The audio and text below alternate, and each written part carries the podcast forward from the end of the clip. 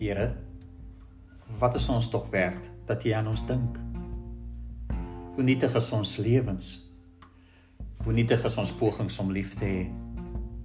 Hoe nietig nietig is ons pogings om regverdig te wees? Hoe nietig is ons aansprake op sukses?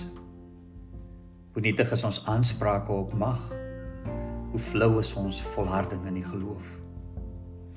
In U lig is die meeste van ons dade selfsugtig en daarom sinloos en oppervlakkig. Al wat ons na U kan bring is ons ontblote harte wat soek na vergifnis, vrede en 'n woord uit U mond. Amen. Goeiedag Florian wil. Dit is Dinsdag aand. En dis ons tweede aand van van ons heilige week. So Dinsdag 4 April. Ons teksgedeelte vandag is Matteus 26 vanaf vers 36 tot 46.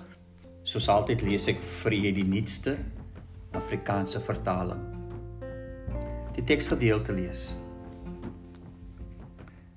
Toe gaan Jesus saam met hulle na 'n plek wat Getsemane genoem word.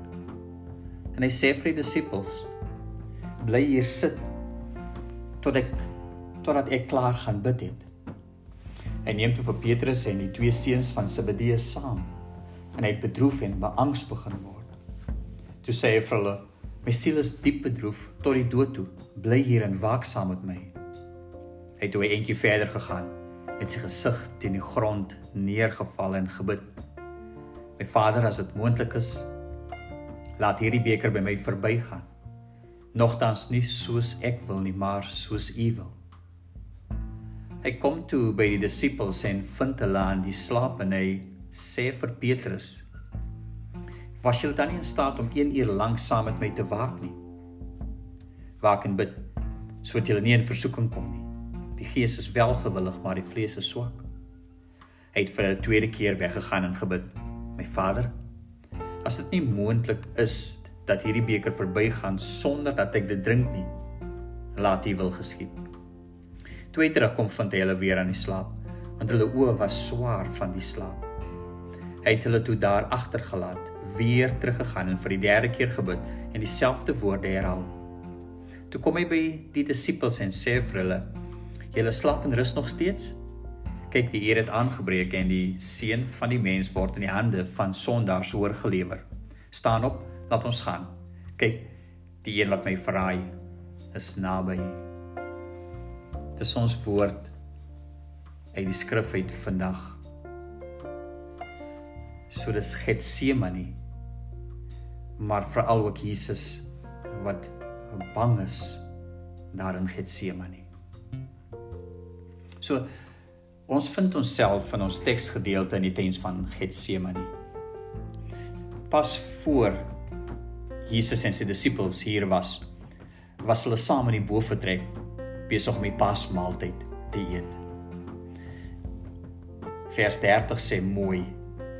Na die maaltyd het hulle lofgesange gesing en toe vertrek na die Olyfberg toe en dan word hier na Getsemane toe. Johannes 18 vers 2 sê dat Jesus en sy disippels gereeld soontoe gegaan het. Dit moes dus vir hulle 'n plek van gebed gewees het onmiddellik hierna na Getsemane na die worsteling en gebed is Jesus gevange geneem en nie lank daarna nie sal hy gekruisig word. Onthou weer die instelling van die nagmaal. Daar het Jesus die mooi bekende woorde uh gesê brood geneem, neem, eet, dit is my liggaam. Hy het die beker geneem en hy het gesê drink almal daaruit, dit is my bloed alles tot vergifnis van sondes. Reeds hier in die bofortrek met die nagmaal is daar die wete dat sterwe of sterfte op hom was. Hy weet dit sal kom, Jesus weet dit sal gebeur. En daarna het dit werklik gevolg. En tussen in hierdie twee sit Getsemane in die worsteling in die tuin. Tussen wete van wat sal wees en die werklikheid en ervaring daarvan sit Getsemane. En dis hier waar Jesus bid. Vers 39.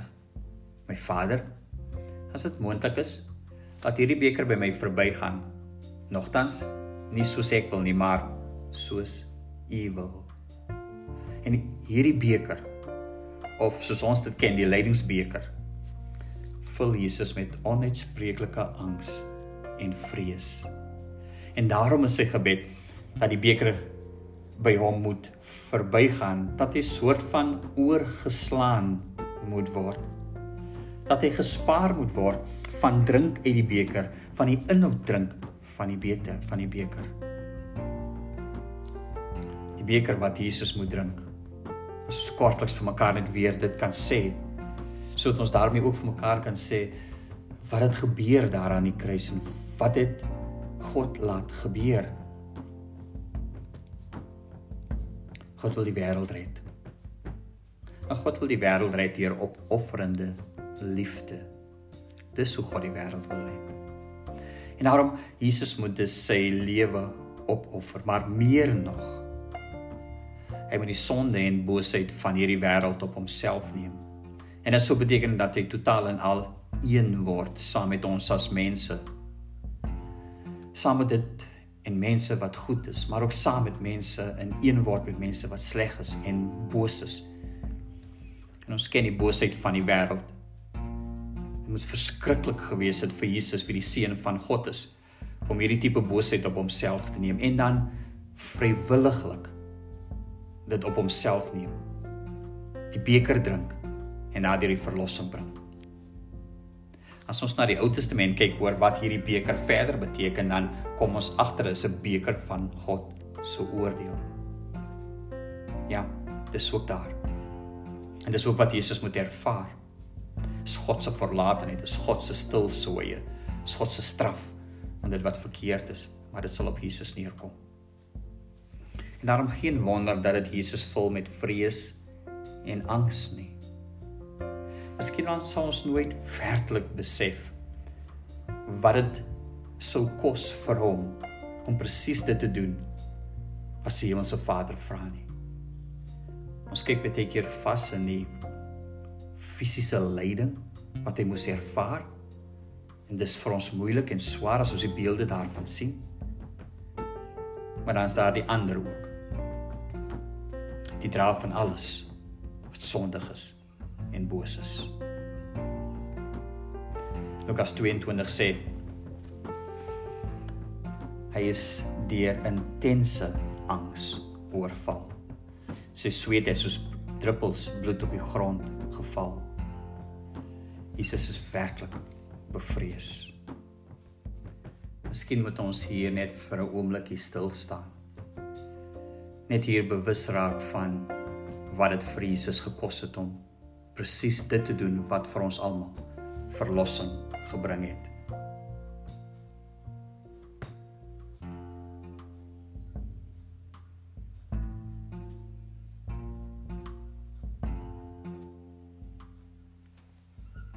Jesus was nie alleen daai dag in Getsemane nie.